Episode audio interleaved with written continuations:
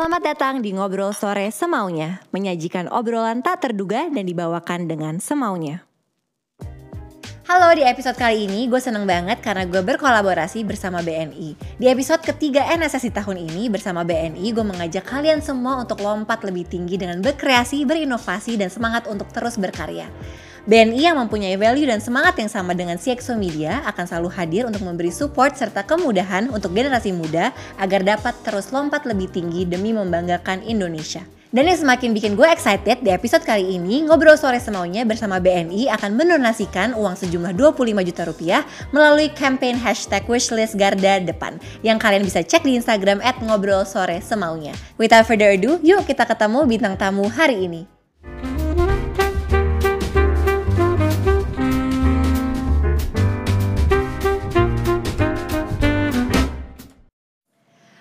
Bertemu lagi sama gue Putri Tanjung di Ngobrol Sore Semaunya. Hari ini gue excited banget karena gue kedatangan seorang salah satu pionir stand up comedy di Indonesia. Um, Suka bikin kontroversi juga ya. Please welcome Panji Pragiwaksono itu ya maksud gue bukan suka bikin kontroversi. Kontroversi terjadi padaku Putri Tanjung. Semakin berdiri engkau berdiri angin semakin kencang. Betul sekali, betul sekali. Gue cuma nge-tweet dan cuma ngomong aja. Ranting doang ya? Iya. Ini kita bahas ya. Gue Iya. akan mau menggeledah semuanya Boleh, By the way, how are you? baik terima kasih. Terima kasih udah ada di sini. Sama-sama justru gue yang berterima kasih gue udah- dikasih kesempatan untuk ini kan ngisi si yang gantiin si PTS, ganti Cahyadi. Radit Lucu banget sih menurut gue Iya terima kasih banyak. Lucu Tapi gue bilang gue tuh sebenarnya pengen duduk bareng sama lu untuk eh, menjelaskan banyak hal. Oh banyak hal, oke. Gue jadi ini ya podcast klarifikasi sekarang kayaknya. Sebentar lagi kan Dedi akan tergantikan oleh gue. Iya biarin aja deh nggak nggak penting. Cahyadi YouTube lu nggak penting. Mas, tapi Ya. how's the pandemic treating you? Gimana pandemi ini sama lu? Um, what's going on? Gimana 2020?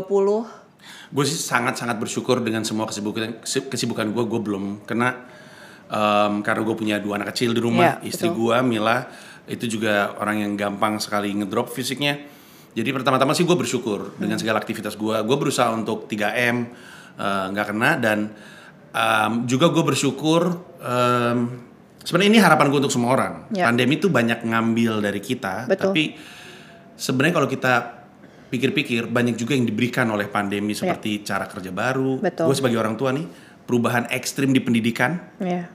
karena pendidikan sus- susah banget Susah berubahnya banget. kan. Gue kemarin baru ke SMP gue. Terus? SMP gue nih udah lama loh gue samperin dia tuh. Terakhir kan gue 92, 93, 94. Iya, gue belum lahir. Oh ya? Iya.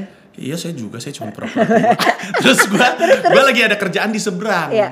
Terus gue pikir nih SMP gue nih. Gua samperin ah. Gedungnya sama persis, kelasnya sama persis. Hmm. Setelah gue tinggal, jadi gue bisa ngebayangin gila pendidikan Indonesia susah banget Iya. berubahnya. Pandemi ini memaksa pendidikan untuk berubah. Iya. Eh, ada baik dan buruknya, tapi eh, yang mau gue sampaikan adalah begitu banyak yang diambil dari kita oleh pandemi, tapi sebenarnya banyak juga yang diberikan kepada kita karena Betul. pandemi dan itu yang gue syukurin. opportunity baru juga gak Iya, sih? benar. Dan lo kayak sebenarnya di force untuk berubah in a way gak sih mas? Kayak semua iya. sih cara parenting lo, cara lo bekerja. Asli asli. Tapi untungnya em, perubahan itu sesuatu yang rada konstan sama bukan cuma sama kita ya, tapi terhadap gua. Maksud gua gua aja pindah rumah gue hitung-hitung tujuh kali pindah rumah tuh setiap kali pindah tuh mesti ngapal rute angkot lagi temenan ngulang dari nol cewek cakepnya ngulang dari nol jadi em, karena gue terbiasa Iya.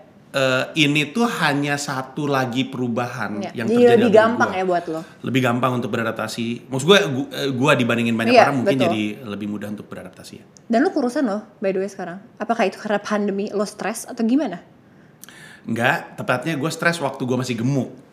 jadi gue, gue pernah pingsan lagi makan, lagi sarapan put. Sumpah. Di depan anak-anak gue justru itu momen yang Kenapa?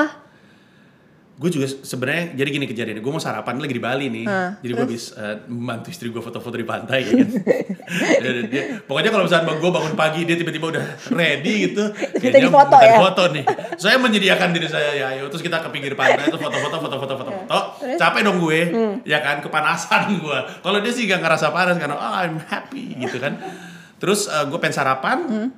Kita ajak anak gue, gue duduk makanan gue datang, tiba-tiba kuping gue pengang, wup, mata gue langsung gelap, wup, terus gue nggak ingat apa-apa. Istri gue ngelihatnya mata gue kebuka tapi ba- badannya jatuh ke makanan. Serem banget. Di, di- serem banget di stop sama istri gue. Terus ternyata gue katanya demam berdarah setelah gue ke rumah sakit, tapi gue bingung. Gue pernah demam berdarah sebelumnya, tapi nggak pernah gini-gini banget. Iya. Terus Gamila bilang, istri gue, jangan lagi lakukan itu di depan anak-anak kita. Terus gue sadar harus banyak yang gue ubah. Jadi gue ubah, gue ubah tidur gue, gue benerin sleep apnea gue, gue ngorok hmm, sampai nafasnya berhenti. Iya. Eh, gue sembuhin sleep apnea gue, gue sekarang plant based. Terus Oh, plant-based sekarang? Iya, ya secara umum. Um, Oke. Gue gue bilangnya, mohon maaf ya, gue bilangnya plant based liberal. Oke. Jadi karena gue pengen tetap diajak nongkrong sama temen gue. Lo tau gak iya. sih kadang-kadang jangan ngajak Panji makan, Iya, aneh iya. orangnya makannya susah gitu kan. Kan gue gak pengen jadi kayak gitu, Put. Jadi gue pengen tetap diajak nongkrong. Ya, liberal lah ya. Iya, jadi tapi gue bisa hitung pakai jari berapa kali gue makan daging dalam satu tahun gitu. Hmm. Nah, terus eh, gue tidur gue, gue apa olahraga gue gue seringin dan itulah yang menyebabkan eh, berat badan gue turun. 15 kilo kan lu? 15 kilo secara total. Tapi pas gue turun 15 kilo, karena gue nggak menyarankan orang ngikutin cara gue, karena mungkin secara nutrisi salah. Ya. Orang ngeliatnya gue kuyu. Jadi terus gue raba, gue naikin dikit. Sekarang sekarang total total sih 8 apa eh, 13 jatuhnya 13 karena gue naikin. Tapi how 8. do you feel sekarang? I feel so much better. Gue nggak ngorok sama sekali. Terus eh, anak gue happy tidur sama gue, istri gue juga. Terus udah gitu, gue lebih happy karena sekarang karena turun gue bisa makan mie. dulu gue gak, dulu gue gak berani makan mie. Terus dulu kalau misalnya gue sarapan nih, dulu waktu masih 95, 96 kilo, Iya. kalau sarapan ada nasi goreng, gue suka tersinggung. Gimana sih? Udah tahu gue gak boleh makan nasi pagi-pagi. Sodorin beginian. Sekarang gue dikasih nasi goreng, oh tidak apa-apa. Iya. Makan Santai. aja, santai. Sudah 80 kilo. gitu. Eh tapi lu maksud gue itu kan lumayan drastis ya. Maksudnya lu merubah pola hidup lu kan berarti. Ya. Itu prosesnya berapa lama? Terus apa sih yang lo rasain pertama-tama? Karena kan biasanya orang masih shock kan badannya. Iya, iya. Sebenarnya perjalanannya dimulai, ini kalau misalnya gue tarik secara kronologis ya, perjalanannya dimulai sekitar bulan Oktober. Itu Oke. ketika gue pertama kali ke dokter untuk benerin tidur. Gue turun di 80 kilo, persis di ulang tahun gue 18 Juni. Jadi berapa tuh? Oktober, November, Desember, Januari, Lo Februari, Maret, ya? April, Mei, Juni, 8 bulan. Ya gue Gemini, zodiak terbaik di muka bumi. Iya. Sama kayak bapak gue by the way. Saya cinta Anda, Pak Ceti. Lu apa? Gue Virgo. Oh, Kenapa? gak apa-apa. Ada apa dengan lo dan Virgo? Bentar, bentar lu marah kalau gue sebut. Kenapa please, please, please ceritain gue? Ada apa dengan lo sama Virgo? Virgo itu, maaf ya Virgo ya. Virgo itu selalu ekstrim terhadap sesuatu, satu hal gitu. Jadi kalau misalnya dia suka MU, oh, sukanya banget gitu. Kalau suka nyari duit, oh nyari duit banget gitu. Eh, itu Virgo. Bener gak gua? Ya kan? Ah, lu lu ya Ika, kata yang em, eh, tidak PC adalah freak terhadap sesuatu. Jadi kalau misalnya dia ada sesuatu dia freak levelnya di freak. Bener gak gua? Tapi ada bagusnya dong. Kalau lo bisa mengelola kefrikan itu dengan baik, berarti baik-baik Gue aja. tahu banyak tentang Virgo termasuk urusan cintanya. Oke, balik lagi lo berproses tadi ya. Iya, iya. Berarti sebenarnya awalnya susah dong buat lo. Sangat, sangat. Mbak, penuh denial. Iyalah pasti. penuh denial. Orang waktu gue pertama kali ke- ketemu dokter sleep apnea, dia bilang kan gue tidur di sleep lab selama satu malam, terus kasih kabel-kabel, terus dibilang anda berhenti nafas 26 kali dalam semalam. Eh, gue pikir dalam semalam ternyata dalam sejam. Ah serem banget dong, mas. Asli gue shock kan, 26 kali dalam sejam dok. Ah serem banget. Terus dia bilang, iya tapi itu masih biasa, yang bahaya itu 30 kali. Kata gue, dah dok cuma beda empat, buset dah. terus gue panik kan, Iya. terus dia bilang kalau lu gak mau ngubah gaya hidup lu, lu gak boleh main bola dan gue larang untuk main basket. Gue mau nangis gue, karena gue suka banget main basket, main bola Iya, kan. iya, iya. Gue mau nangis, ini ini adalah hal konstan yang gue gak berhenti lakukan dari SD loh. Iya. Terus dia bilang karena dia khawatir sama jantung gue, ngorok ke jantung kan. Terus dia nyuruh gue beli alat. Hmm. Gue nggak mau karena mahal. Adalah gue cari cara-cara murah. Semua cara murah gue pakai nggak berhasil. Akhirnya lo beli alat. Akhirnya Februari gue gua baru beli itu alat. Hmm, harusnya lo beli duluan tuh alat. Jadi lo gak harus spend macem-macem yang asli, kecil-kecil. asli. Tapi kan denial Iya, kan. udah. Em, terus akhirnya setelah gue pakai dan ternyata bener ngoroknya berhenti karena dipaksa oleh alat tersebut. Tapi ngorok berhenti membuat gue jadi metabolismenya lebih baik sehingga gue plan base dari November. Oke. Eh, Oh, dampaknya lumayan ya. mulai, ya dampaknya mulai kerasa. Terus ya udah akhirnya setelah gue turun, gue udah nggak perlu pakai alat itu lagi karena udah nggak ngorok. Ya, Jadi akhirnya jadi kebiasaan juga kan. betul. Sama Gue senang. Yang gue syukurin adalah gaya lifestyle. hidup gue yang berubah. Ya. Ya. Nah ngomongin soal denial, waktu awal-awal pandemi, gue tuh orang yang denial. Lo denial gak waktu awal pandemi? Kayak ini Virgo akan. emang rata-rata seperti itu. Lo kenapa sih mas? Kayak eh, Gak kalau kalau gue tuh denial karena pada umumnya emang secara umum gue tuh orangnya keras kepala. iya. Gua jadi gue tuh racunnya gue kalau lu terlalu sering benar, lu kena jebakan merasa lu pasti benar. Dan itu yang lo rasakan? Iya, iya. Jadi gue tuh selalu karena gue terbukti banyak kali melakukan kebenaran, gue tuh kejebak sama pandangan bahwa apa pun yang gue pikirkan itu pasti benar, padahal belum tentu. Iya. Nah itu yang membuat gue rada susah untuk beradaptasi atau eh, bukan beradaptasi, berubah, eh, mengubah cara gue untuk melakukan apa yang gue nggak mau adalah karena gue keras kepala. Itu agak bahaya loh mas. Nah, asli, Iya. asli. Dan em, dulu itu sangat mengganggu gue di dunia kantor, maksudnya di bisnis gue Iya. sangat sangat susah karena masalah gue di dunia kerja itu adalah uh, a lot of the times I'm the loudest voice in the room. Iya.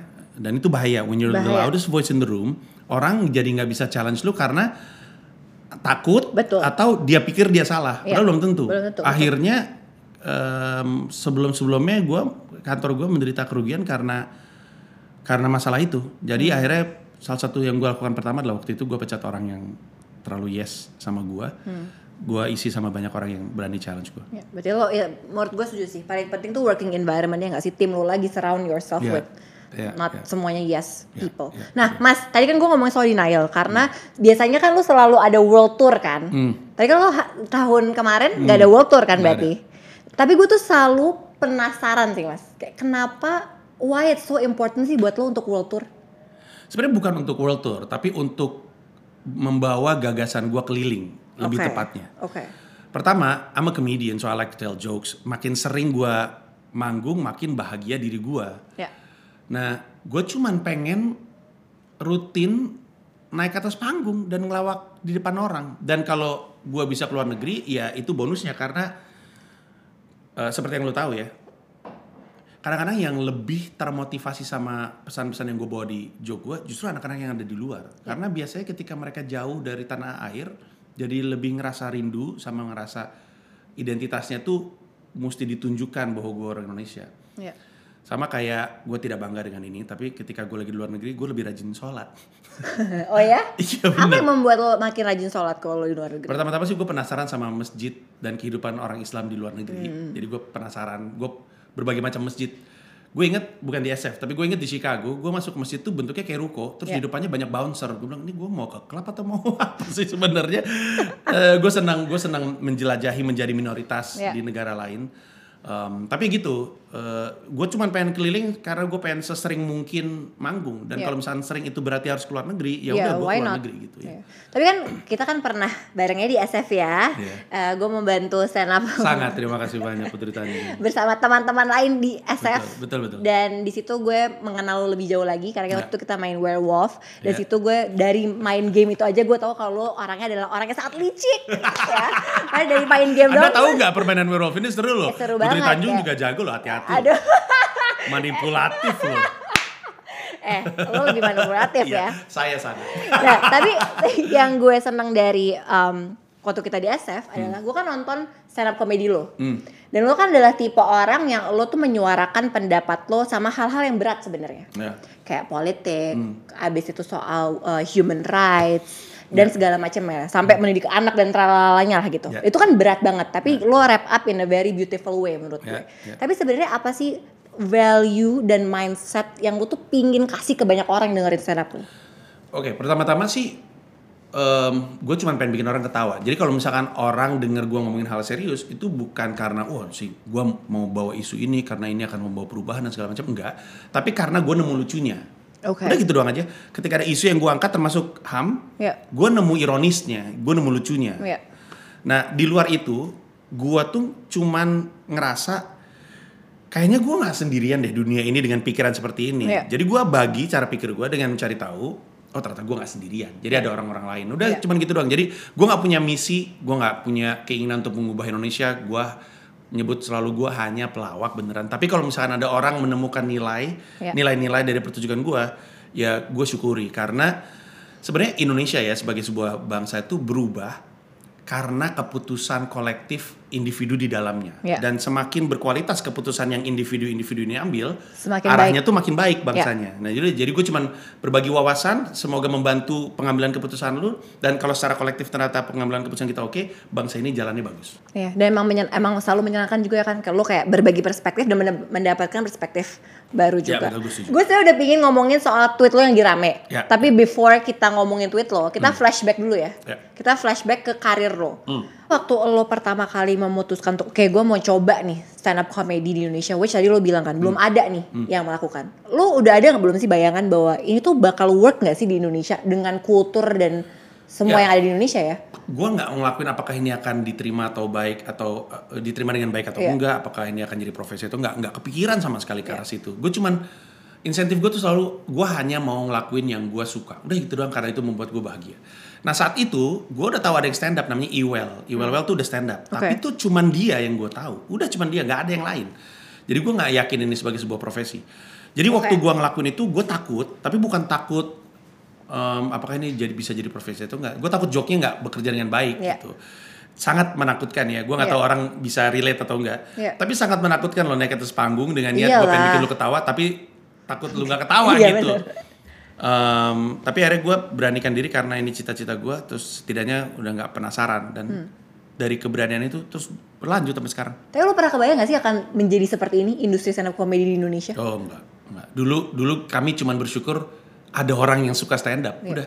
Jadi komunitas stand up Indo awalnya itu cuman ini kita sama-sama stand up, akhirnya kita ketemu. Selama ini sama-sama suka stand up tapi mencar gitu. Iya. Ini kita akhirnya ketemu terus kita bisa ngobrol. Komunitasnya terus, kuat ya. Iya, terus kita cuman ah stand up comedian gitu Iya. udah gitu doang.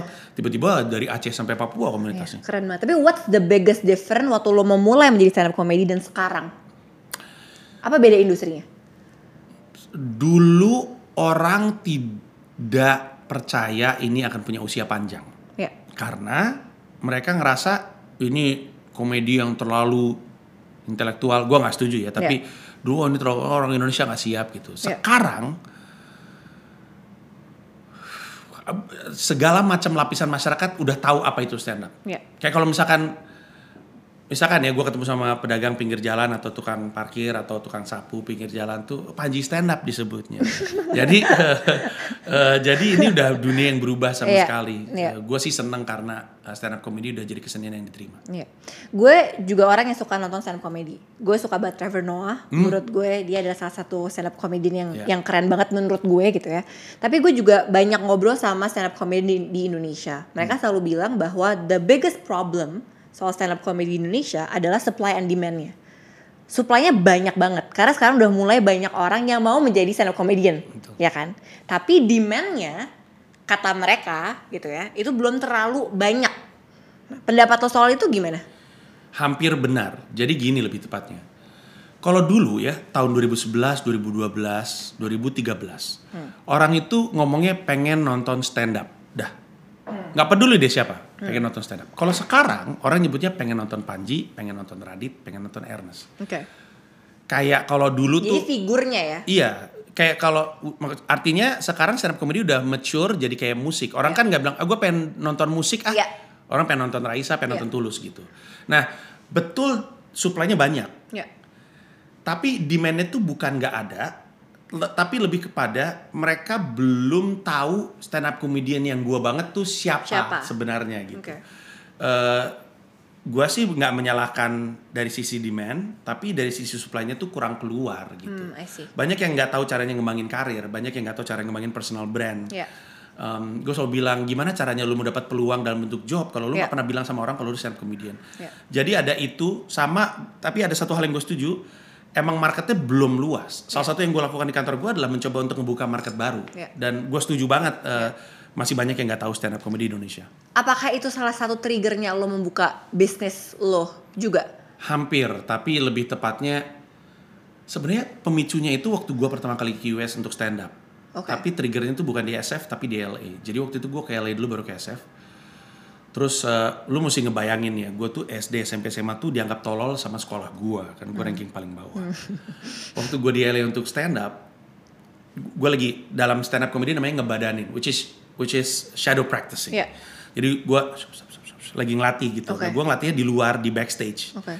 pas gue selesai ngelatih set gue pas gue nengok tuh ada tulisan Hollywood tegak lurus gue terus gue kayak terharu gitu ya Allah nih anak tolol ini kok bisa ada di Hollywood untuk stand up terus gue bahagia banget terus gue nanya gimana caranya gue bisa bahagia terus dan jawabannya adalah gue pengen lebih banyak stand up comedian bisa ada di level karir seperti gue jadi cita-cita gue bikin perusahaan adalah gue pengen membantu stand up comedian hidup dari stand up karena gue udah ngebuktiin Ya. kalau gue bisa ngebantu lebih banyak stand up comedian hidup dari stand up, gue bahagia sekali. Ya. Dan itulah kenapa perusahaan ini lahir.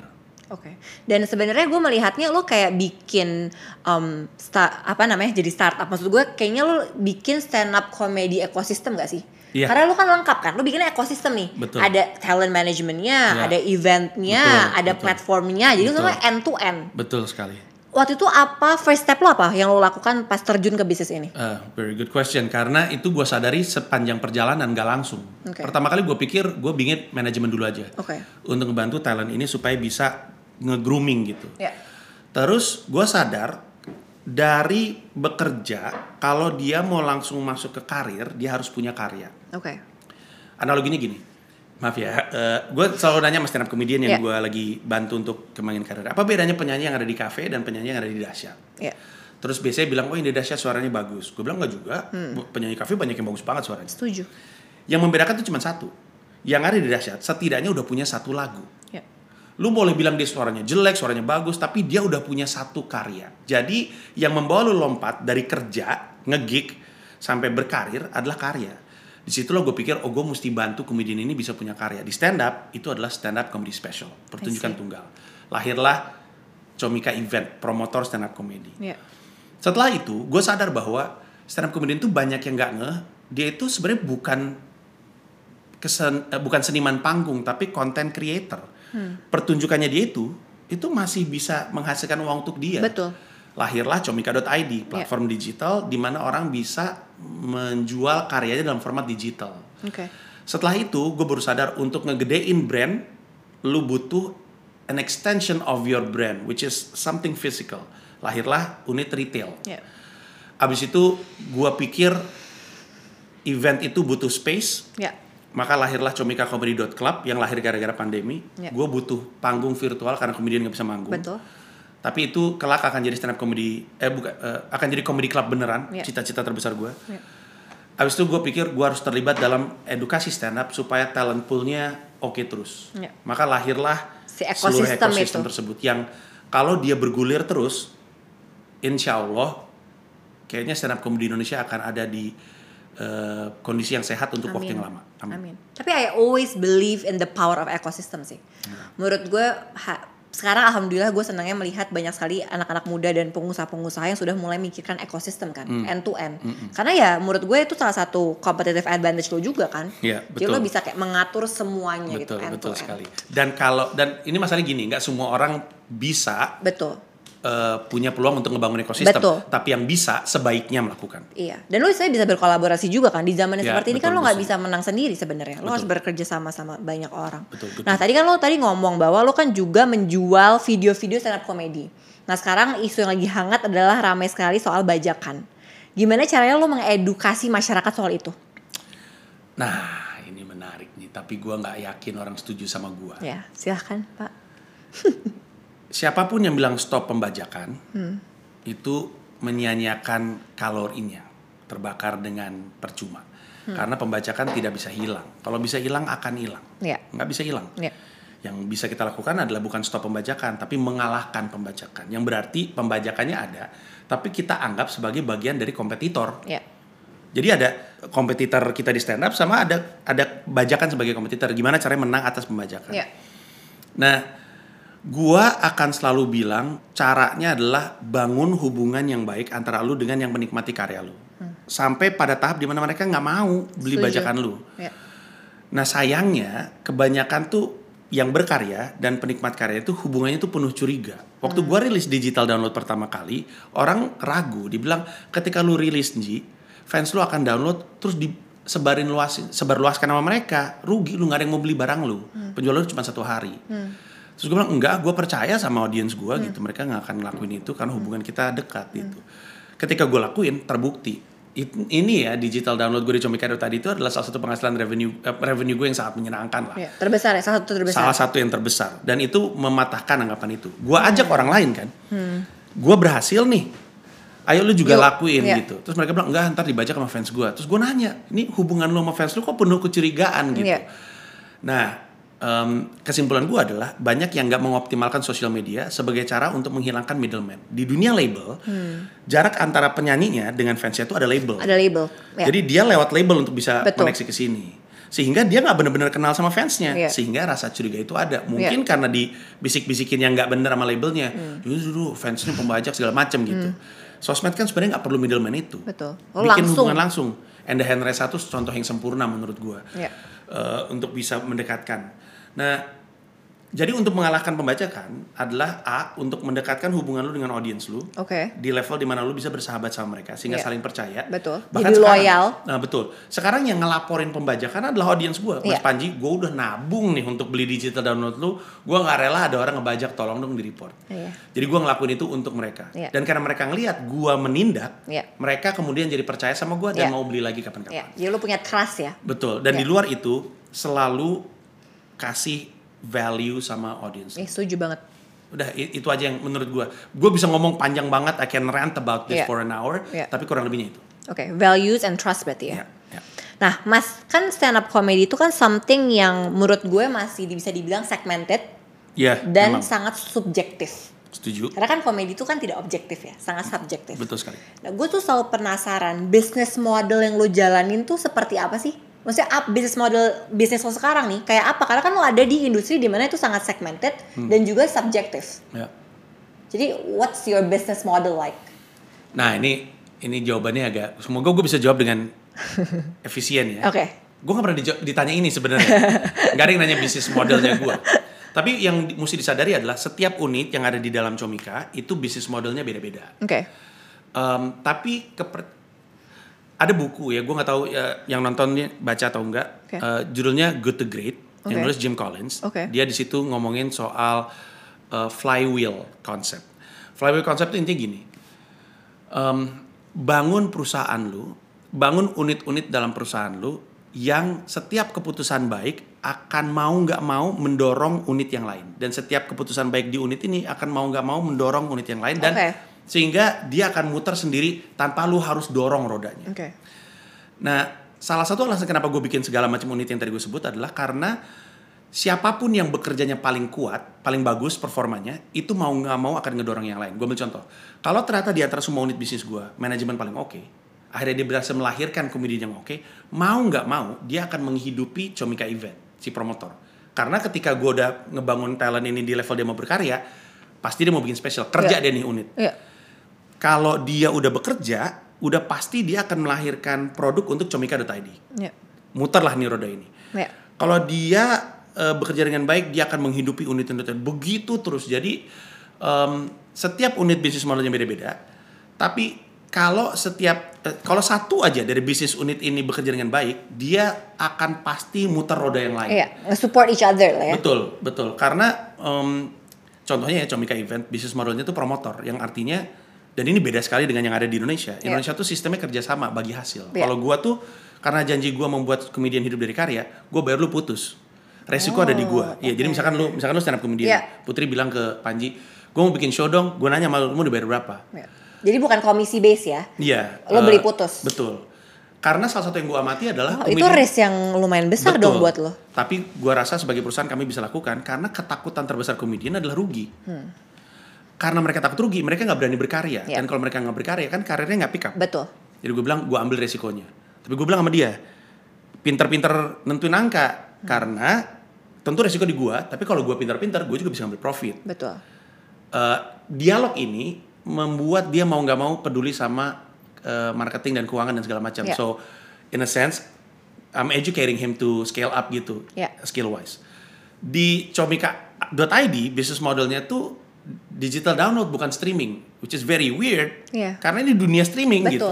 Betul, betul, Um, tapi salah satunya adalah karena gue nggak tahu yang lain setuju atau enggak. Tapi streaming tuh masih belum jadi bisnis model yang uh, dipercaya sama banyak orang. Jadi yeah. orang masih enggan untuk subscribe. Yeah. But, but we're getting there. Yeah. Sekarang orang nonton udah mau subscribe, dengerin yeah. musik udah mau subscribe. Yeah. Um, bahkan K-pop, gue mengatribusi K-pop by the way uh, K-popers. Tahu nggak yang K-popers lakukan? Mereka membiasakan diri berlangganan terhadap idolanya dia, Iya. BTS. Jadi gue tuh kalau fans BTS ya, namanya ARMY kalau nggak salah. Iya, betul, ARMY. Gue bisa subscribe mereka Iya. dan mendapatkan konten-konten mereka di app Weverse. Iya. Nah, makin lama orang subscribe, makin terbiasa subscription Based business model. model, iya. Nah, ketika itu mulai jamak, gue mungkin akan geser. Menurut lo itu berapa lama lagi? Ah, nggak jauh lagi, gue rasa 2-3 tahun lagi. Iya.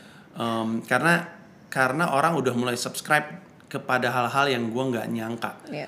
Em, kayak sekarang ya komik ya, komik itu salah satu yang sangat terluka dari sisi bajakan. Iya. Tapi sekarang anak muda udah mulai subscribe untuk komik. Nah think about it, kalau gue baca komik udah subscribe, Iya. baca koran udah subscribe media ya, Iya. terus udah gitu dengerin musik udah subscribe, Subscribe, iya. terus nonton film udah subscribe. Bentar lagi mereka siap subscribe untuk nonton komedi atau siap subscribe untuk nonton event bahkan. Betul. Dan menurut gue sekarang karena pandemi ini ini nge-push untuk semakin cepat orang beradaptasi dengan subscribe business sangat, model sih. Sangat, sangat. Nanti ini si platform gue yang comicacomedy.club itu nantinya gue gue nggak pernah ngomong ini tapi nantinya akan jadi subscription base. Yang mana sangat aneh orang akan bingung kok Iya. subscribe event. Iya. Tapi kalau lu ada di dunia event digital, lu nggak terhalang sama venue dipakai, lu nggak Iya. terhalang sama izin Betul. dan segala macamnya, izin acara, izin keramaian. Sehingga lu bisa lebih konsisten bikin. Betul. acara. Dan kalau gue bisa lebih konsisten bikin acara dan kualitasnya konsisten, ini yang lagi gue perjuangkan Iya. bisnis model uh, subscription tuh masuk akal sekali. Gue setuju banget soal itu. Ya, itu yang lagi diusahakan. Tapi Iya. ya eksekusi, buat gue ide, gue nggak takut untuk cerita ide gue karena yang susah dicuri itu eksekusinya. Betul, setuju banget. Iya. Nah, Mas, tapi gue selalu penasaran dari semua bisnis unit lo, ada nggak yang masih mendarah? Ada nggak yang masih berdarah-darah? Ada, ada. Yang masih berdarah nih retail gue. Oke. Um, lebih karena gue belum paham the nature of the business. You Okay. have to understand it's 100% different Yeah. from you know organizing event. Ya, of course. Uh, jadi gue masih nggak masih eksperimen Ya. Uh, mungkin di dunia startup gue masih MVP-an fasenya MVP gitu Ya. Uh, jadi itu masih luka Ya. Um, sisanya udah mulai oke Uh, termasuk comicacomedy.club sebagai business venue oke Oke. kemarin kami profit Uh, terus manajemen Nice. gue oke sangat oke event gue oke Oke. terus um, apa lagi Uh, unit edukasi gue oke kemarin Yeah. kita ngerilis buku the highest selling book I've ever been um, involved with Congratulations. Iya, walaupun pandemi congratulations. makanya gue mau ngasih tahu sekali lagi pandemi itu bukan bukan membuat orang jadi nggak spending cuman apalagi spending hiburan Iya, mereka mau spending, cuman pelaku hiburannya tidak memformat karyanya Betul. dengan format yang mereka mau kunyah zaman sekarang. Betul. Jadi kalau pelaku dunia hiburannya mau berubah, mereka bisa terlibat dalam em, perubahan ini. Tapi kalau lu nggak mau, ya susah gitu. iya. Menurut gue malah demand-nya naik, tinggal gimana caranya lo adjust ke behavior yang baru. Ya. Iya kan? Ya, ter- tapi ternyata seperti kita tahu, adjusting itu Susah. tidak tinggal, ya. Ya. Susah. Setuju. Mas, lo adalah orang yang memegang keras idealism lo dalam Hmm. bisnis? Atau lo lebih mementingkan profit? Atau how do you balance between idealism dan profit? Karena kan banyak orang yang berbisnis, Saya datang ke tempat yang tepat. itu. maksud gue kalau berbisnis kan lo pasti ada yang kayak oke gue ada idealism gue lebih tinggi, ada juga yang lebih ke entrepreneurship mindset kan, which is adalah end goalnya of course to make profit gitu. Nah, Nih, ini jawabannya. Sebenarnya gue gue coba untuk bantu di depan ngasih jawabannya. Jawabannya adalah karena gue nemu blendnya. Bahwa the balance ya. Betul, bahwa idealisme dan profit itu bukan sesuatu yang terpisah ternyata. Gue kasih tau gini, suatu hari gue datang ke kantor, kita lagi meeting, terus gue bilang, lu apa pun unit bisnis lu di kantor, sebenarnya kita tuh sebenarnya ujung-ujungnya itu jualan. Ya. Terus, tapi gue pengen bilang sama lu, Ya. ketika kita jualan, bukan hal yang jelek. Tahu nggak kenapa kita ujung-ujungnya jualan? Karena janji kita adalah bikin stand up comedian hidup dari stand up. Ya. Kalau ada seorang pelawak pengen hidup dari stand up, berarti kan dia harus terima uangnya dong dari stand up. Ya. Karena uang itu dia pakai untuk dia hidup. Ya.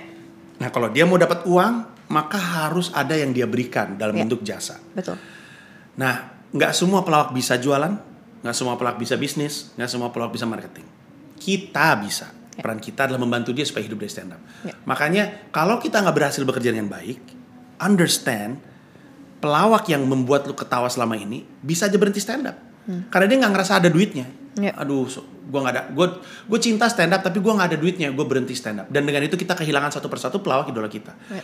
Jadi dari kalimat itu aja, idealisme gue kan membantu pelawak hidup dari stand up. Ya. Tapi itu membuat kita harus mendapatkan profit. Iya. Karena kalau perusahaan ini nggak sehat, Ya, nggak kita nggak ada untuk mereka. Jadi idealisme dan profit itu bukan sesuatu yang dijauhkan. Setuju. Uang bukan segalanya betul. Uang adalah alat tukar. Tapi alat tukar untuk membuat orang-orang ini bisa hidup. Janji gue adalah bikin komedian hidup dari karyanya. Gua mau. Dan ini kejadian dalam hidup gue. Ada stand up komedian masih muda bilang Bang Panji kemarin gue ketemu sama bokapnya pacar gue. Terus ditanya sama bokapnya pacar kamu pekerjaannya apa? Saya stand up komedian om. Terus bokapnya bilang oh itu kan hobi. Kerjanya apa? itu ya, itu kan sebenarnya Iya. ya ampun kasihan bener loh. Tapi kan Iya. itu berarti Indonesia nggak merasa ini profesi. Iya.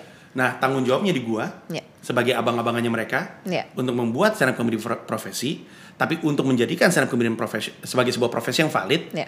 harus lebih banyak stand up comedy yang bisa hidup dari Iya. stand up. Iya. Dan untuk itu harus laku. Ya.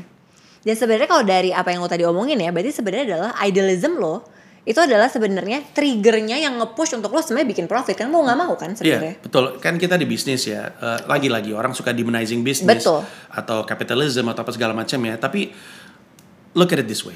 Tidakkah bahagia kalau kita bisa hidup dari yang kita cintai? Iyalah, pas setuju Lu banget. cinta gaming, lu cinta stand up, lu cinta tidur, Iya. dan lu bisa hidup dari situ. Iya. Ya kalau lu pengen hidup dari situ, berarti lu butuh duit dari situ. Betul. Dan kalau mau duit dari situ, maka dunianya udah dunia bisnis. Iya. Setuju gue. Ya. Oke. Enggak, ini tepuk tangannya di lu. Tepuk tangannya Mas, di lu. gue penasaran, gimana sih menurut lo caranya membuat stand up comedy di Indonesia bisa lompat lebih tinggi lagi dan nantinya seakan menjadi sebesar stand up comedy di US? Menurut lo memungkinkan nggak? Mungkin Gimana caranya? komediannya harus disiplin. Susah sekali bikin seniman disiplin. Ya, balik lagi ke orangnya ya mas. Iya, jadi Chris Rock pernah gini- bilang gini, stand up comedy itu hanya akan sekuat pelakunya. Kalau pelakunya kuat, stand up komedinya kuat. Oke. gue tarik tuh ke Indonesia. Ya. Gue pengen dong stand up comedy meledak dan Ya. maksudnya bukan meledak, maksudnya terus besar gitu kan. Berarti tanggung jawab gue adalah di stand up comediannya, stand up Ya. comedian harus kuat. Nah ketika gue bilang disiplin, itu disiplin dalam menulis materi baru, Ya. men- melatih materi baru, Ya. Em, harus disiplin untuk mau nyoba lagi ketika joke lu nggak berhasil dengan Ya. baik. Dari 100% stand up comedian di Indonesia, mungkin cuma 5 yang kayak gitu.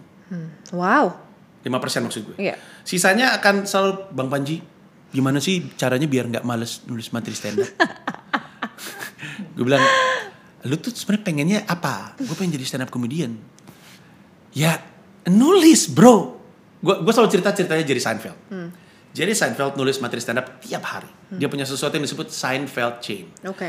Dia punya kantor untuk nulis ala-ala sih kantor ala-ala. Iya. Jadi dia pokoknya di kantor dia tuh ada kalender. Lu tau kan kalender tembok yang. 1 sampai 30 ada Iya. kelihatan di situ yang Iya. zaman dulu biasanya perempuan-perempuan jelas begitu. Tapi 1 sampai 30 Iya. gitu. Setiap dia selesai nulis joke, dia coret seret. Besoknya selesai dia nulis joke, seret, seret. Setelah udah tujuh kali coret atau delapan kali coret, Iya. dia jadi nggak enak mutusin rantainya. Iya. Aduh gue nggak kepikiran tapi gue harus nulis. Iya. Karena lo udah Betul, terbiasa. dia nggak mau rantainya putus. putus. Ya. Itu yang membuat dia selalu punya joke untuk bisa selalu bikin pertunjukan, Iya. untuk bisa selalu scale up karirnya, Iya. untuk bisa selalu hidup dari stand up. Iya. Itu gue adaptasi. Gue nggak pernah berhenti nulis joke dari gue nggak tahu tahun berapa. The first thing I do tahun baru Iya. nulis, Nulis joke. joke. Wow. Iya. Karena menurut gue mungkin banyak orang juga, nggak semua ya, tapi ada beberapa yang tidak menghargai proses tersebut kan. Karena menurut gue di era yang sekarang serba gampang, orang tuh merasa bahwa oke, gue tuh bisa mencapai sesuatu dengan cara yang mudah, dengan cara yang instan. Sementara lo nggak tahu bahwa lo tuh harus berproses dan lo harus disiplin dan konsisten kan. Karena mas, menurut gue ya, sekarang tuh banyak orang yang lagi menggaungkan soal agility soal adaptif dan segala macam lo harus berkembang dan berubah sementara nggak banyak orang yang ngomongin soal the balance between agility and consistency bisa lo bilang harus disiplin Iya. dan segala macamnya gitu jadi Iya. menurut gue itu sih yang mungkin harus lebih diingat ya bahwa Soalnya- tuh berproses dong gitu Iya, nih, nih, jadi gue baca buku ya. Bukunya tebel banget, tapi cuma satu kalimat dari buku tersebut yang mengubah hidup gue. Bukunya The Eighth Habit, Stephen Covey. Kan ada Seven Habits Iya. of Highly Effective People, ada Iya. The Eighth Habit. Bukunya segini nih. Tapi gue cuman yang merubah hidup gue tuh satu kalimat dia bilang gini. Disiplin tidak mengekang, sebaliknya justru membebaskan. Iya. Kalau gue dulu disiplin ngaji, nggak kabur-kaburan dan naik genteng. Sekarang gue udah bebas merdeka ngaji, Mengaji. karena gundul gue baca data. iya Kalau dulu gue disiplin les piano, Iya. nggak kabur-kaburan dan males dan ngantuk tidur di atas piano. Mungkin sekarang gue udah bebas merdeka composing gitu. Iya, iya, iya. bikin lagu semerdeka gue gitu. Ya. Di situ gue sadar kalau gue pengen sebebas yang gue inginkan dalam hidup dan karir, maka gue mesti disiplin dalam satu hal. Ya. Agree. Itu mengubah semuanya. Gue jadi disiplin karena sekarang disiplin gue punya tujuan. Ya. Uh, dan kalau lebih banyak orang tahu itu, gue rasa mereka juga akan berubah kok. Ya. Uh, sisanya lebih kepada apakah dia benar-benar ada di pilihan karir yang tepat. Betul. Karena itu bisa aja berubah. Oke, now let's talk about tweet lo yang sempat rame. Ya, tweet lo yang sempat rame dan kalau lo ngomong lo mengirim pesan ke tim lo jam 12.44 di itu hari apa ya? Minggu. di hari Minggu dan ada kata-kata juga sih di situ bahwa you fire people quickly ya. Iya. Mungkin mungkin jadinya orang jadi kayak hmm, Iya. ada apa nih gitu. Sebenarnya apa sih cerita di balik tweet itu tuh apa sebenarnya? Coba. Jadi gue tuh kami mau pindah kantor. Karyawan kami makin banyak. Hmm. Kantor makin sempit. Ya. Dan walaupun kami bekerja dengan baik remotely, tapi kami butuh tempat. Salah satu alasannya adalah karena nanti kantor kami itu bukan tempat kerja. Kerja mah dari mana aja, tempat Ya. ketemuan. Kadang-kadang ada aspek dalam pekerjaan kami yang membutuhkan untuk duduk bareng. Oke. Terus gue tuh di grup kantor tuh, guys kalau ada ruko atau tempat taruh ya, jadi Iya. kita ntar bisa masukin, nanti kita pilih, nanti kita ini. Terus satu malam gue inget gue lagi ngelewatin ruko itu ruko daerah mana ya? Gue buka Google Earth, Iya. gue cari, nah ini dia nih ruko Ada, nih. uh. Gue screen capture karena gue excited, tempatnya bagus menurut gue anak-anak kantor nih mesti, mesti kita coba nih. Gue lempar ke grup. Ke grup. Abis gue lempar ke grup, kan di abis di WhatsApp kan lu bisa ngeliat WhatsApp lu masuk jam berapa kan. Iya. Terus lah 0044 Ji ini udah hari Minggu 0044 ngapain lu WhatsApp urusan kerjaan Iya. gitu gue mikir. Oke. Terus gue ingat betapa nggak enaknya pasti kerja sama gue. Dan gue ingat betapa terkejutnya orang yang kerja sama gue dengan ekspektasi Panji ini menghibur kapan pun di mana pun selalu lucu. Ya. Jadi gue ranting lah di Twitter ngomel, gue ngoceh, gue Iya. bilang, gue baru aja nge-WhatsApp urusan kerjaan jam 0044. Poin gue tuh udah ngapain sih gue, emang gak enak kerja sama gue, gue mah udah demanding, marah-marah mulu, Iya. ngecat orang cepet. Iya. Gue ngelakuin itu nggak nyangka bahwa itu akan viral karena Iya. itu jam 0047, gue Iya. nge-tweet 3 menit setelah gue nge-WhatsApp ke kantor. Em, dan gue nge-tweet dalam rangka ngomel dan pengen ngasih tau sama orang, gue tuh nggak pernah menutup fakta bahwa gue tuh nggak enak kerja sama gue tuh nggak enak. Jadi gue nggak pernah merahasiakan ini. Iya. Beneran deh, gue Iya. Gue gue nggak mau kayak beli kucing dalam karung elunya gitu. Gue pengen pengen lu tahu bahwa kerja sama Panji nggak enak, Enak. tahu dari depan gitu. Udah itu doang. Cuman Rame lah. ramenya besok put jadi kayaknya orang baru ngeh terus apa ini? Panji iya gue kaget gue beneran dah Iya. gue ya Allah namanya juga ngoceh ngomel gitu jadi itu itu cerita di balik semua itu Tapi yang gue highlight dari tweet lo sih sebenarnya adalah lo bilang bahwa bedanya lo pas menjadi entertainer Panji dan entrepreneur Panji. Oke, let's talk about entrepreneur Panji ya. Sebenarnya leadership style lo tuh kayak apa? And how do you switch? Gimana cara lo switch dari dari entertainer Panji menjadi entrepreneur Panji? gue bingung ditanya leadership style ada berapa jenisnya memang gue cerita aja gue kayak gimana abis itu lu yang Iya definisi iya iya, lo ceritain, lo ceritain leadership style lo. gue sangat goal oriented Oh sama dong sama gue. Gini deh, gue kasih analogi deh. Gue selalu memperlakukan setiap tahun kayak satu season basket NBA. Oke, Dan kantor gue nih tim basket. ya, Dan gue LeBron James. ya, Em, pokoknya kalau gue bilang kita juara, kita juara. juara. Ya. Tanggung jawab lu ngasih tanggung jawab gue adalah nerangin sama tim apa yang kita mesti lakukan untuk juara. Dan gue selalu bilang, gue nggak peduli lu setuju atau tidak. Gue akan bikin kita juara. Bulan April tahun 2020 itu satu bulan setelah pandemi itu kondisi kantor gue buruk sekali. Bear in mind, we're an entertainment event eh, event eh, company gitu, event based company. Jadi pasti terdampak. Terus kita cuma bisa hidup tiga bulan. Terus gue bilang, tapi guys, di saat orang lain lagi tiarap dan berusaha untuk bertahan, gue pengen kita menang dan gue mau kita menang dan gue nggak peduli lu mampu atau enggak, gue tarik lu untuk menang. Em, dan karena itu gue demanding orangnya Ya. kalau gua tahu lu harus melakukan A dan lu enggak, gue tuntut. Em, bedanya ini salah satu bedanya entertainer Panji dan entertainment Panji, eh, apa entrepreneur Panji adalah entertainer Panji sangat peduli dengan perasaan lu. Karena gue pengen bikin lu tawa. Oke. Pelawak itu di atas panggung sambil ngelawak sambil ngeraba penontonnya. Ya. Apa nih joke yang kena? Ya. Kayak gimana yang berhasil? Dia dan dia mengikuti gitu. Ya. Makanya nggak pernah ada panggung yang sama tiap kota. Ya. Entertainer Panji, eh, entrepreneur Panji nggak peduli sama perasaan lu. Ya. Hanya peduli dengan apa yang kita sepakati untuk jadi goals kita. Jadi di situ lo switch ya. Betul dan ketika gue bilang I don't mince words, stand up comedian Panji, enter- entertainer Panji itu milih diksi. Stand up comedian itu milih kata yang tepat untuk menghasilkan tawa yang tepat. Ya. Entrepreneur Panji nggak memilih kata. Yang penting efisiensi. Oke. Ngerti gak sih? Ngerti gue. Dan, dan Ngerti gue. Lu lu kalau misalnya ada ya kayak kalau misalnya ada CCTV di kantor Iya. gue ini salah satu kalimat yang paling sering muncul dari gue sorry ya ini tuh gue tuh suka nggak nggak nggak bisa milih kata-kata yang tepat tapi kita tuh bebe bebe bebe gitu lu tuh bebe bebe bebe gitu Hmm. kalau gue entertainer Panji lagi ngomong di depan karyawan mungkin gue akan gue pilih kata-katanya gitu nah Iya. gue tuh lebih peduli speed on my defense dunia kami stand up comedy itu lagi krisis kalau kita nggak nemu cara untuk menjalankan janji kita Ya. membantu komedian di- hidup dari stand up Susah. literally these people are dying jumlah stand up comedian di Indonesia yang hidup dari hutang ke hutang tahun lalu luar biasa banyak Ya. jumlah stand up comedian di Indonesia yang hidup dari donasi luar biasa banyak jadi kita tuh kami ini lagi krisis Ya. kita tuh mesti ngeklik Ya. guys kalau kita nggak ngeklik ini orang-orang yang kita janji untuk kita bantu tuh nggak bisa. Bisa. jadi Ya. makanya gue demanding gitu Ya. Gue tanya gue nih ya kalau target eh, kalau deadline nggak ngasih nanya Kapan lo bisa? Iya, kapan lu bisa? Karena tanggalnya dari lu, konsekuen dong. Iya. Kalau gue yang ngasih kan lu kan bilang nggak enak, nggak adil dong. Kan gue kasih, ya udah ini lu yang nentuin. Iya. Baru aja tadi gue, WhatsApp, gue bilang ada karyawan gue, lu kalau dia mesti nyetor eh, editan, Iya. gue bilang lu mesti tentuin maunya kapan, Iya. biar semua orang nagihnya enak. Iya. Terus orang kalau misalkan bilang "Eh, besok, oke besok jam berapa? Iya. Sore, sore tuh jam berapa? Ab- Abis maghrib, eh sebelum maghrib, ya sebelum maghrib tuh jam berapa? Iya. Kalau lu bilang jam 5, jadi gue enak nagihnya, tapi lu yang nentuin. Tapi kan setelah lu yang nentuin, boleh dong gue menuntut Iya.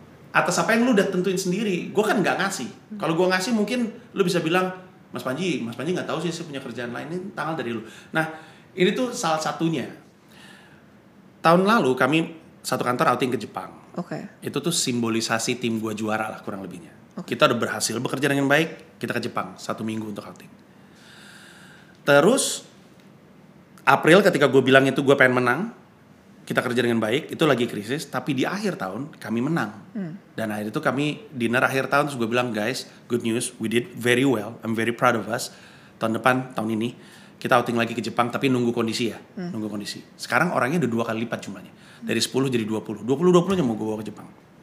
Tapi gue bilang sama anak kantor gue, karena gue tahu gue LeBron James satu tim gue bopong, gue akan sangat kesel. Kalau gue ada di Jepang, terus gue nengok, gue tahu nih orang nggak ada kerjanya. Ngerti gak sih gue? Ya ngerti gue. Itulah kenapa gue nggak rela kalau tim ini udah berhasil menang championship, lalu ada satu pemain yang Ya nggak ikutan. numpang doang. Iya. Ini mungkin yang nonton nggak ngerti, tapi gue mau ngasih reference Lakers. Iya. Ya, LeBron James tuh udah berhasil bikin juara. Ada pemain namanya Jared Dudley. Gak jelas dia perannya apa. Bikin buku tentang gimana caranya dia jadi tim juara. Gue tuh kesel nih orang-orang kayak gini. Lu kerja kagak jelas, main nggak bener, kontribusi lu apa? Lu nulis buku, buset. Ngapain lu nulis buku tentang lu bi- bisa juara gitu. Nah gue tuh kayak gitu di kantor. Ketika kami berhasil outing ke luar negeri, Jepang dan segala macam ya, gue pengen ngelihat ke kanan kiri dan gue bilang semua kerja bareng, semua kerja keras. Ini adalah hadiah untuk lu juga sebagaimana ini hadiah untuk gue. Tapi kalau gue lagi di luar negeri karena kami lagi outing karena perusahaan kami berhasil, terus gue ngelihat ada orang yang ikut ke Universal Studio Osaka, tapi gue tahu kerjanya katro, Iya. gue akan kesel sekali. That's why I demand people. Yeah. So when we are going abroad for our company trip, semua orang udah memastikan bekerja dengan baik karena gue yang pastiin karena gue demand itu dari mereka. Ya. Nah, apa tuh leadership style-nya tuh gue tahu. Loh, menurut gue every menurut gue every business um, maksudnya every entrepreneur ya menurut gue kan punya leadershipnya masing-masing kan dan menurut gue racikannya kan nggak bisa baku kan mas Betul. kan sampai itu evolve Iya. tergantung situasi tergantung segala macam lah menurut gue tuh evolve lah tapi gue sebenarnya yang gue resonates dari lo tuh adalah satu sih goal oriented gue tuh sangat goal oriented Ya karena kalau lu lari nggak tahu finish line-nya, Exactly. lu ngapain lari Exactly. gitu. Dan menurut gue ya gimana cara lo bisa communicate goal lo dengan cara lo aja sih sebenarnya. Which Yeah. menurut gue kayak gue selalu gue senengnya adalah tim gue tuh ada beberapa yang udah lama sama gue. Pas gue tanya lu kenapa sih masih bertahan sama gue gitu ya? Udah kayak tujuh tahun dan segala macam. Mereka coba bilang satu, gue percaya sama visi lo. Makanya gue sebenarnya tagline si CXO ini adalah continue to win. Jadi sebenarnya agak mirip sama lo. Jadi we have to win in any situation. Dan menurut gua kalau kita nggak menang ya buat apa dong kita bekerja gitu Iya. kan? We wanna change people's life kok. Iya, iya. Jadi ya we have to push each other sebenarnya. We have to push each other untuk kita bisa win terus gitu. Ya, dan menurut gua kuncinya adalah dalam rangka ini tetap eh, fair dengan orang-orang kayak ini yang gua lakuin ya, Iya. em, terlepas dari lu deh. Perangai gua seperti ini itu udah gua bilangin dari zaman gua rekrutmen. Ya. Dari awal gue udah bilang, tapi Iya. kerja sama gua, gua nih Demanding, iya. demanding. Terus mohon maaf, gue suka WhatsApp tengah malam atau weekend, tapi lu balasnya pas udah semau lu aja gitu. Iya. Jadi aturan mainnya udah tahu di Udah, depan. betul. Sehingga ketika lu on board, lu on board karena sepakat oke ini adalah jalan yang mau dijalani. Betul. Dan kalau emang lu ngerasa ternyata nggak sesuai, nggak Iya. apa-apa bilang aja sama gua, mundur aja gitu. Iya. Itulah kenapa gua mecat. Pokoknya antara gua pecat cepet atau lu mundur cepet, yang mana pun itu. Kalau enggak, yaudah kita jalan terus. Jadi yang penting aturan mainnya di set di awal, Menarik. harusnya semuanya baik-baik aja. Menarik. Tapi gue by the way gue selalu percaya sama dua hal sih. Menurut gue mutual respect itu very important. Karena gue merasa gue kita bisa begini karena ada mutual respect gitu ya. Dan yang kedua sebenarnya gue tuh sama tim gue tuh punya this environment where kita tuh bisa challenge each other. Jadi bukan berarti lo nggak bisa challenge gue ya. I'm here to be challenged malah. Karena kalau misalkan lo nggak challenge gue, then there's something wrong. Karena menurut gue harusnya setiap harinya tuh ada challenge baru gitu. Iya, iya. Jadi sebenarnya gue bisa lumayan resonate sih sama lo. Mungkin cara kita memandang Iya. dan gimana cara kita mengkomunikasikannya Ya, menurut gue sih. Sisanya dan tuh semantics lah. iya, Cuman exactly. cara, cara Bener. aja, ya. Nah mas tapi lo ada gak sih kayak figur entrepreneur yang lo sangat lihat dan kayak oh gue Ada suka tapi nih, karena dia jelek dan karena dia gagal, terus jadi lebih kepada chip on my shoulder. hmm, itu siapa? Almarhum bokap. Oh, Failed miserably with this business dan berdampak sama pernikahannya dan berdampak sama rumah tangganya dan berdampak sama gue. Lu mesti bayangin bokap gue tuh jenius sebenarnya. Dia tuh beasiswa elek elektro ya apa sih? Eh, teknik elektro, teknik listrik di UGM. Belum kelar dapat beasiswa ke ITB, pindah ke ITB. Belum kelar dapat beasiswa ke Tokyo Denki University. Jadi ini orang pintar sekali. Saking pintarnya dia kerja di perminyakan thriving. Di usia 40-an dia bilang 40-an akhir gue bilang gue pengen berhenti deh pengen bisnis. Pas dia bisnis, turns out dia nggak bisa bisnis. Failed miserably dan berdampak. Sejak itu gue selalu kayak I have a chip on my shoulder. Not a chip on my shoulder, tapi lebih kayak emang kayaknya lu bukan pebisnis deh Panji. Jangan sampai lu kayak bokap lu lagi. Tahu bokap aduh gue sampai sekarang karena suka sedih sendiri. Saking buruknya kondisi waktu itu, bokap gue tuh pernah manggil. Gue masih SMP kelas 1. Bokap gue manggil, terus dia ngasih liat kontrak. Nih Mas Panji. Karena dia dengar gue, dia dia tahu gue dengar mereka berantem bokap sama nyokap soal nyokap minta duit untuk apa segala macam. Nyokap tuh saking parahnya ya. Bukan nyokap maksud gue, kondisi kami tuh saking parahnya. Gue waktu itu punya ca- punya celengan. Celengannya terbuat dari plastik. Jadi nggak bisa di nggak ada bukaannya, Iya. nggak bisa dipecahin. Celengan dari plastik gitu, bentuknya angsa atau apa. Suatu hari gue masukin, stuck, nyampe ke dasar. Loh, pras, kan udah banyak isinya. Iya. Gue angkat, fer, ternyata dijebol nyokap gue buat belanja, saking nggak ada uangnya. Jadi ketika nyokap gue minta duit sama bokap gue, bokap gue juga mau ngasih, tapi bisnisnya lagi roboh. Iya. Besoknya dia manggil gue, dia ngasih lihat kontrak. Sampai level apa coba lu? Sedesperate apa sampai lu mau nerangin ke, Anak ke anaknya? Nah lihat nih, ayah ini ada deal nih, nilainya segini. Jadi tuh ayah uangnya tuh ada. Cuman ini orangnya nih saya ayah tagih-tagih tuh nggak kabur-kaburan gitu. Gue masih SMP tapi gue tahu, oh my dad is, in a very bad place. Condition ya. Dulu, saking traumanya gue dengan dunia bisnis, waktu gue mulai kantor ini, gue serahin ke orang lain untuk jadi direktur. Gue bilang mungkin emang Panji ini pelawak. nih lo yang jalanin bisnis gue terus gue sadari gue membohongi diri gue sendiri dulu gue kuliah di ITB ada dosen namanya Profesor Primadita Brani. Dia bilang kalau anda punya ide anda yang eksekusi ide tersebut karena orang lain gak akan bisa sebaik anda eksekusinya. Setuju. dan waktu itu ciri-ciri kesalahan gue dalam orang ini nggak salah gue yang naruh kan. Sebagai komisaris gue yang milih direktur kan gue pilih dia. Terus eh, perusahaan ini rugi. Jadi waktu gue pegang perusahaan gue tuh dalam kondisi berhutang. Ya. Tapi udah eh, gue tingkatin kapasitas diri gue dan akhirnya gue jadi pengusaha seperti hari ini. Jadi kalau misalnya lu tanya apakah gue punya contoh baik, nggak punya. Artinya nggak satu, gue baca banyak sih. Iya. Tapi satu pebisnis yang jadi pemicu gue kayak gini adalah almarhum bokap, tapi bukan untuk alasan dia sukses bisnisnya, tapi justru sebaliknya, failed miserably. Dan gue dihantui ke karena hidup gue hari ini mirip banget kayak hidup dia sebelum dia roboh.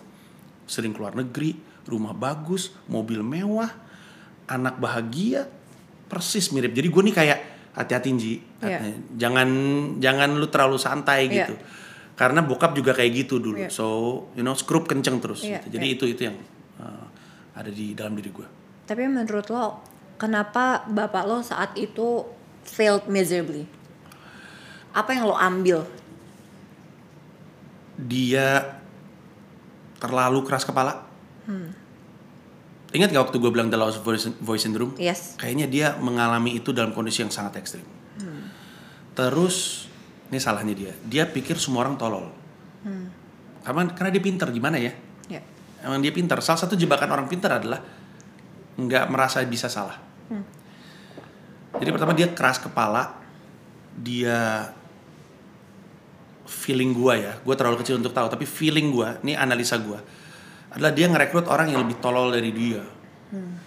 Karena mengingat orangnya seperti apa, punya orang yang sepintar atau lebih pintar sama dia, jatuhnya konflik pasti. Ya.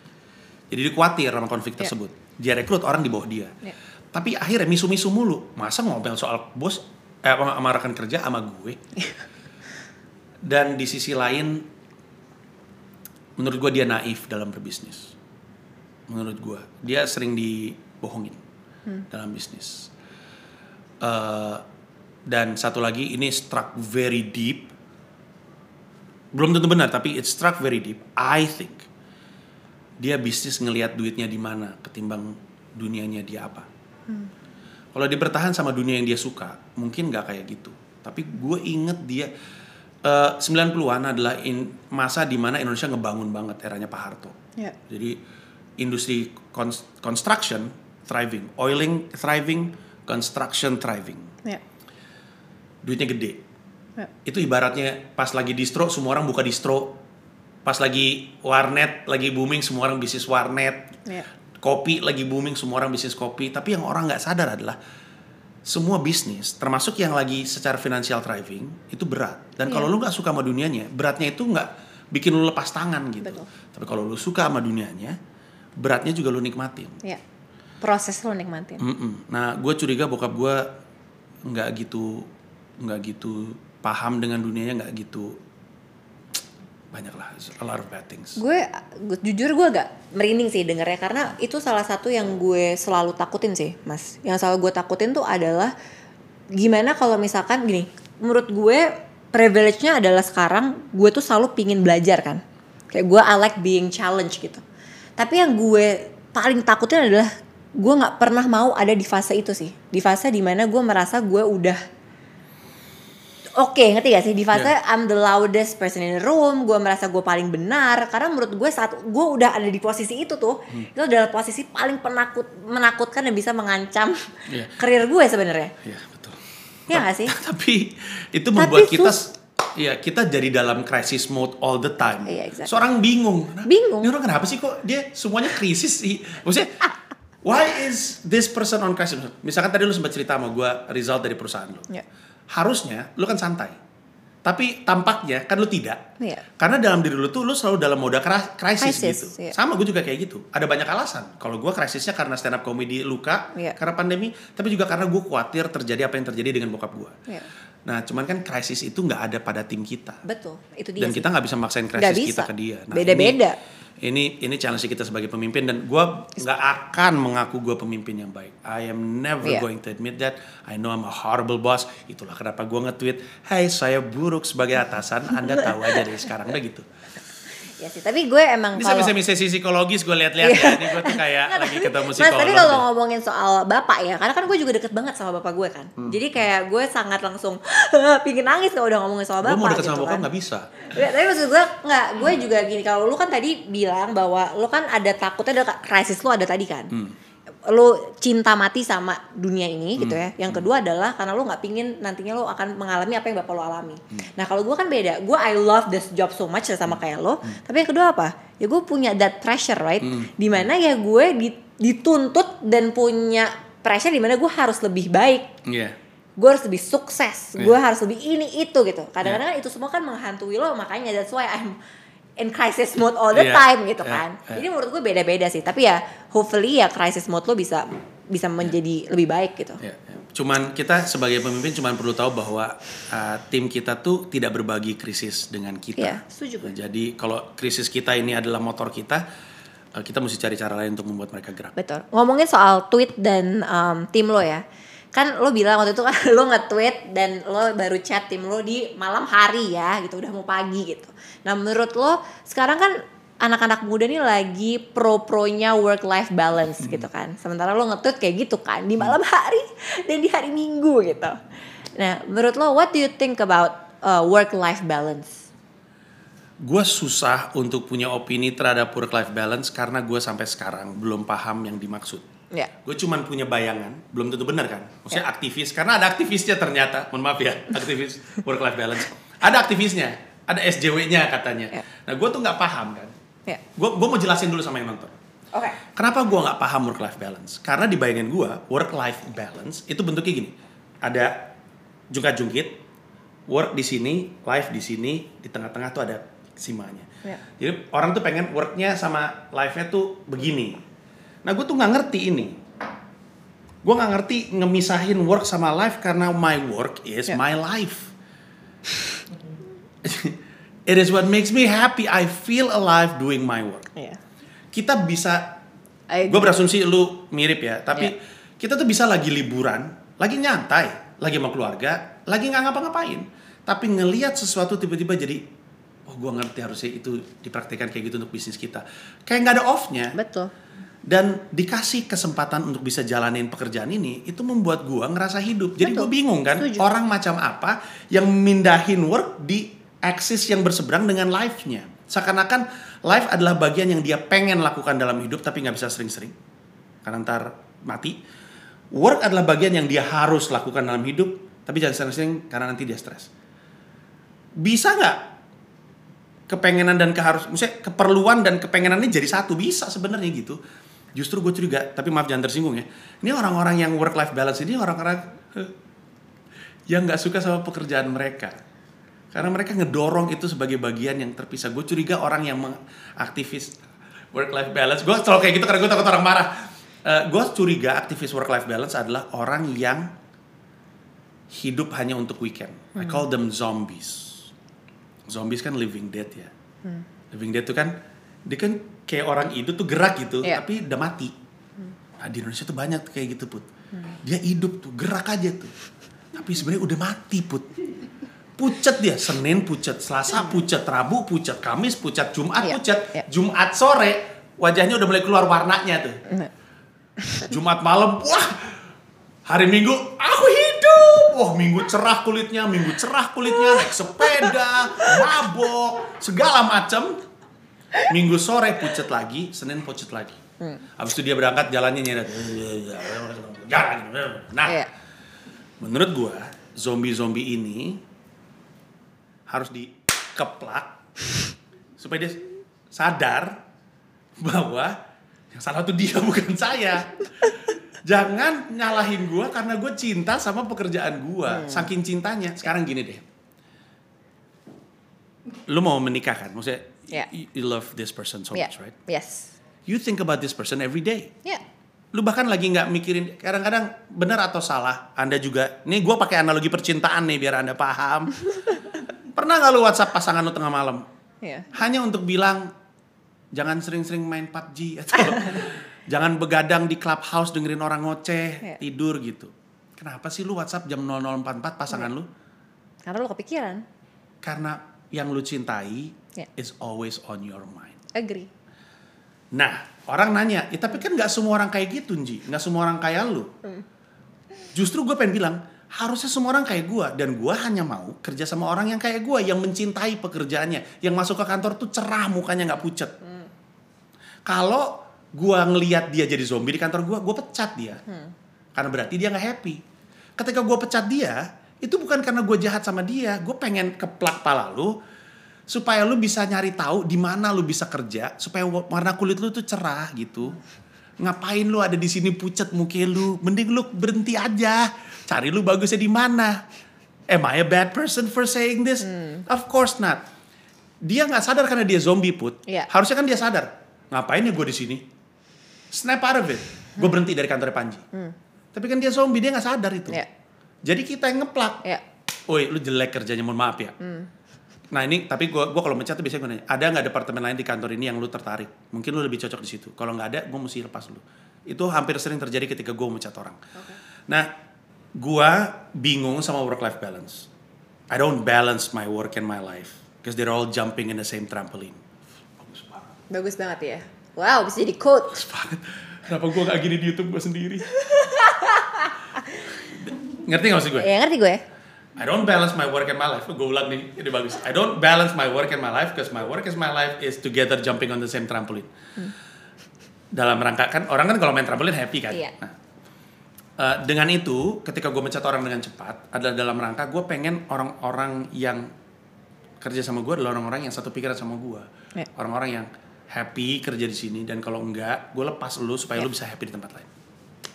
Balik lagi sih menurut gue it's all about perspective sih ya. Maksud gue semua orang kan punya pilihannya masing-masing dong. Dan menurut gue dengan pilihan itu ya lo harus bisa bertanggung jawab atas pilihan lo sebenarnya kan. Ya ya again itu kan is your life choice lah gitu. Nah gue melihatnya adalah sebenarnya gue agak mirip nih sama lo. Dalam arti gue selalu melihat bahwa gue itu kita itu kan dikasih privilege yang sangat luar biasa sebenarnya. Dalam arti apa? Kita tuh dikasih, gue selalu melihat semua opportunity yang gue punya ini adalah tanggung jawab dari Allah. Subhanallah. Nah, terus gimana dong caranya gue bisa terus bertanggung jawab atas apa yang udah gue dapatkan yang semua orang tuh nggak punya opportunity sebesar yang gue dapatkan loh. Ya, Dalam arti gue harus Valid. bekerja sebaik-baiknya dong. valid. Ya kan? Ya. Karena kenapa? Karena gue mau memegang tanggung jawab itu dan gue harus bisa memberikan kebahagiaan dan kontribusi yang nyata untuk banyak orang. Ya. Gitu. Gue kayak gitu tapi nggak di bisnis. Iya. Kayak gue Tuhan ngasih bakat ini, Iya, untuk ya gue harus bertanggung jawab. Ya, nah gue merasa itu di bisnis gue. Hmm, ya. gitu jadi gue dan alhamdulillahnya senangnya adalah gue mencintai pekerjaan gue ini Hmm. jadi ya gue merasa bahwa ya work life balance gue juga adalah pekerjaan gue ya of course lo pintar-pintar dong sebenarnya work life balance mungkin lihatnya lo harus pintar-pintar menjaga kesehatan tubuh lo kesehatan mental lo which menurut gue saat lo udah bisa menemukan caranya gitu ya dan rutinitas yang benar ya menurut gue nggak ada masalah Gue curiga kayaknya yang orang permasalahkan tuh kayaknya bukan work life balance tapi workplace culture gitu ya, Hmm. budaya tempat kerja. bisa jadi Iya, karena karena budaya ya kayak budaya bangsa kan beda-beda ya. Karena Iya. lu nggak bisa bilang budaya gue bener budaya dia Betul, lain. Sama tempat betul. kerja juga gitu kan. Betul. Kayak orang bilang "Em, jangan WhatsApp urusan kerjaan di weekend dong lah gue ngurus event weekend semua gimana caranya gue nggak WhatsApp kan Iya, gitu iya, kan iya, jadi kan benar. emang budaya kantor Beda-beda. gue beda-beda gitu Betul. jadi kayaknya lebih ke situ di Setuju. luar emang gue nggak paham work life balance karena Iya. itu tadi Tapi gue setuju sih, I feel alive kalau gue kerja sih. Jadi ya Sabtu Minggu pun ya kalau gue kerja emang gue harus kerja karena that's what makes me happy. Iya, iya dan dan dan karyawan gua tahu kok bahwa lu nggak mesti jawab langsung. Iya. Lah, lu cek aja grup WhatsApp perusahaan kerjaan gua. Hari kerja aja gua WhatsApp jam 10, gua nggak minta langsung dijawab 10 seperempat Iya, kok. iya, iya. Ya Iya. gitu jadi gua ya. Menarik. Oke, Iya. ngomongin masih ngomongin soal anak muda. Lo kan tahu bahwa anak muda sekarang sebenarnya opportunity tuh terbuka lebar banget. Ya kan, gede banget gitu. Ya, asli. Nah, menurut lo apa sih mentality atau skill yang dibutuhkan anak muda untuk bisa lompat lebih tinggi di apa pun yang mereka lakukan? Karena menurut gue nggak nggak harus skill ya. Menurut gue mentality itu juga salah satu kunci yang penting. Menurut lo gimana? Inti gini. Anak muda di Indonesia karena muda. Gue perhatiin dan ini karena ki- kita sering keliling-keliling kampus-kampus gitu kan. Terus kayak sharing gitu. Iya. Selalu nyalahin faktor eksternal terhadap apa yang terjadi pada dia. Menurut gue anak muda mesti berhenti. Semua yang terjadi dalam hidupnya itu karena lu, baik dan buruknya. Dan sebaiknya lu milih kayak gitu. Karena kalau misalkan hal buruk yang terjadi dalam hidup lu adalah karena orang lain, lu nggak bisa klaim hal baik itu terjadi karena lu. Itu karena orang lain juga. Jadi kalau lu mau bilang hal ini baik terjadi karena gua, yang adil, hal buruknya juga terjadi sama lu. Ya.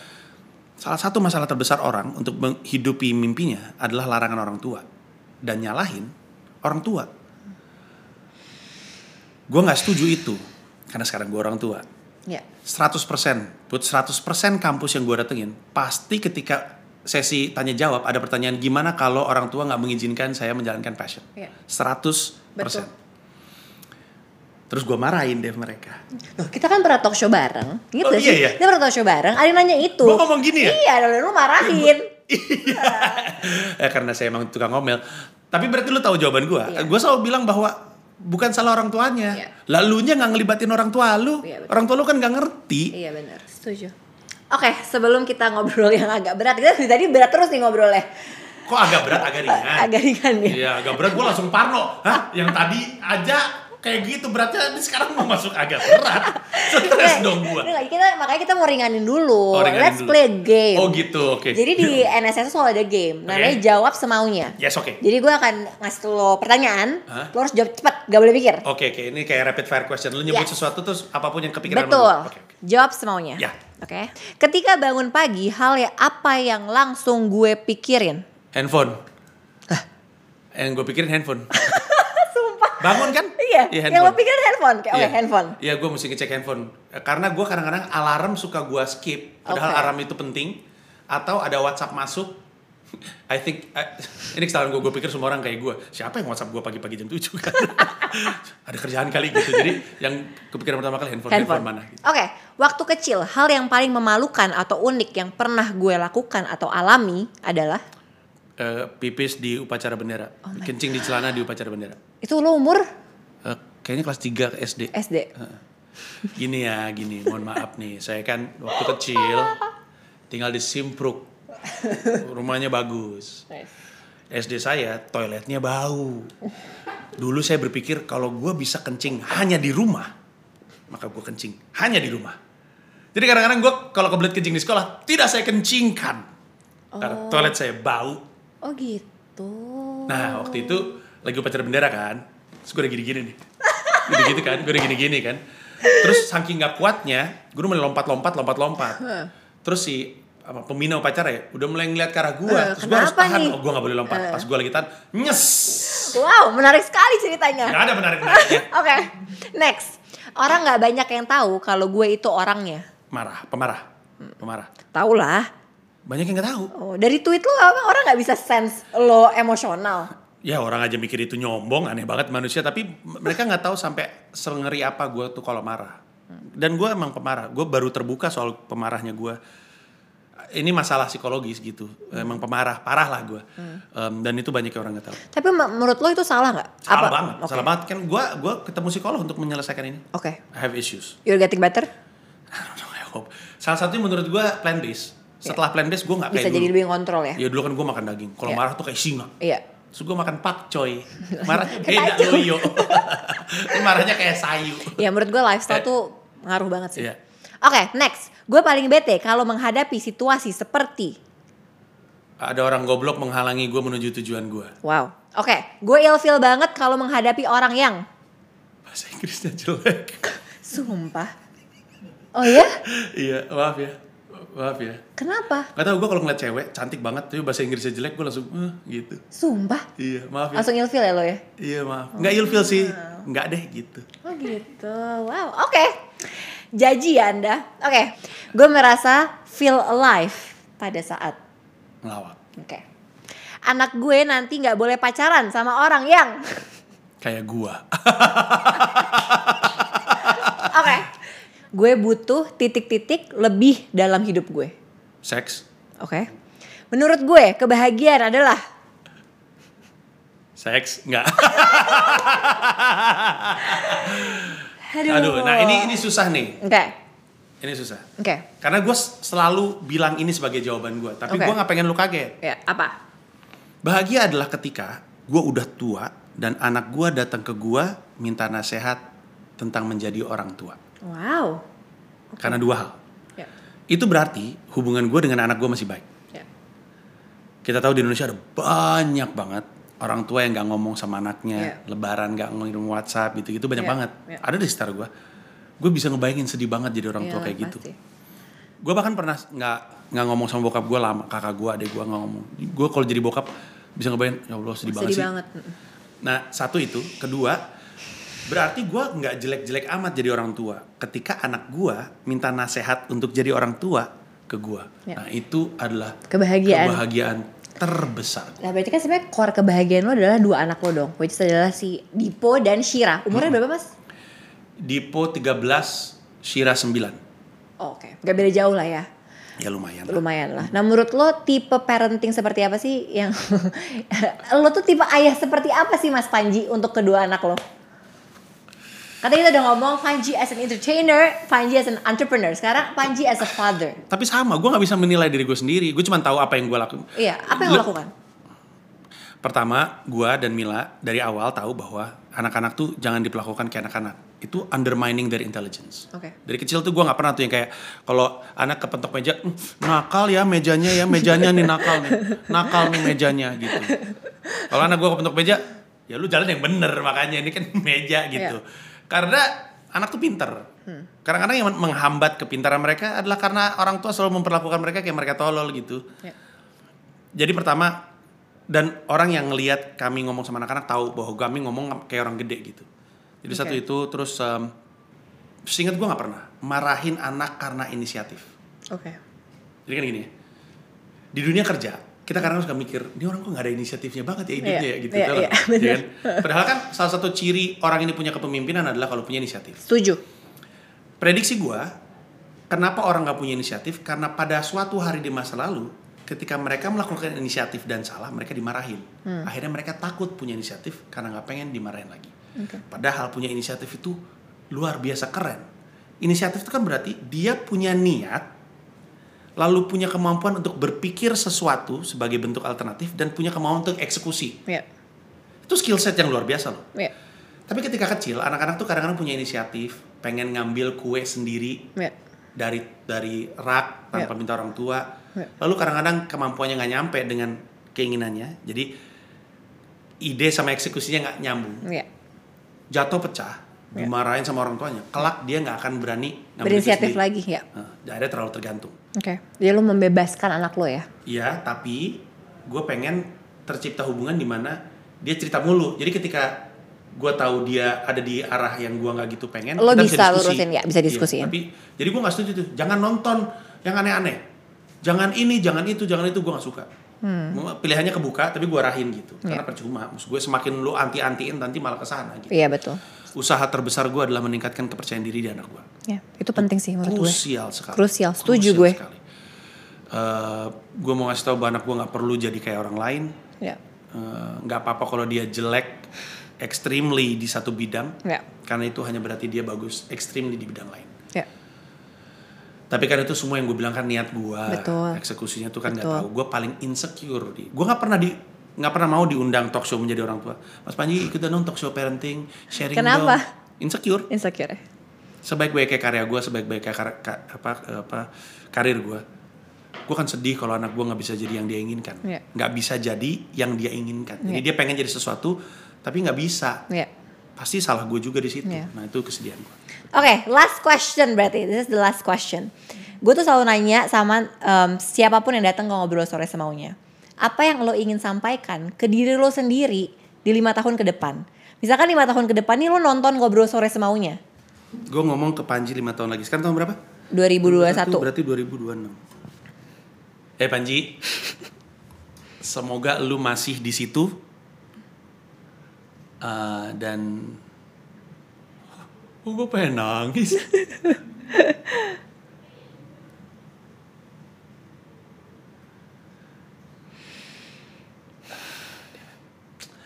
gua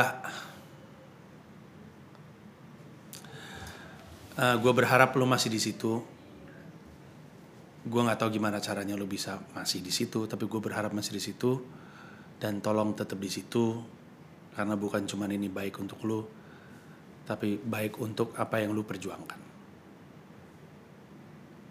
Amin. Merinding gue, merinding. Iya. Mas Panji, thank you so much. iya sama-sama Terima kasih untuk conversationnya. Um, semoga kita bisa bekerja sama se- in any projects ya, upcoming projects. iya Thank you so much udah Ini gue lagi datang. ini kayak jebakan ya. Thank you so much udah ngobrol di ngobrol sore semaunya. Terima kasih juga untuk teman-teman yang sudah nonton ngobrol sore semaunya. Jangan lupa untuk terus nonton ngobrol sore semaunya bersama gue Putri Tanjung hanya di CXO Media setiap hari Kamis jam 6 sore. Thank you so much Mas Panji.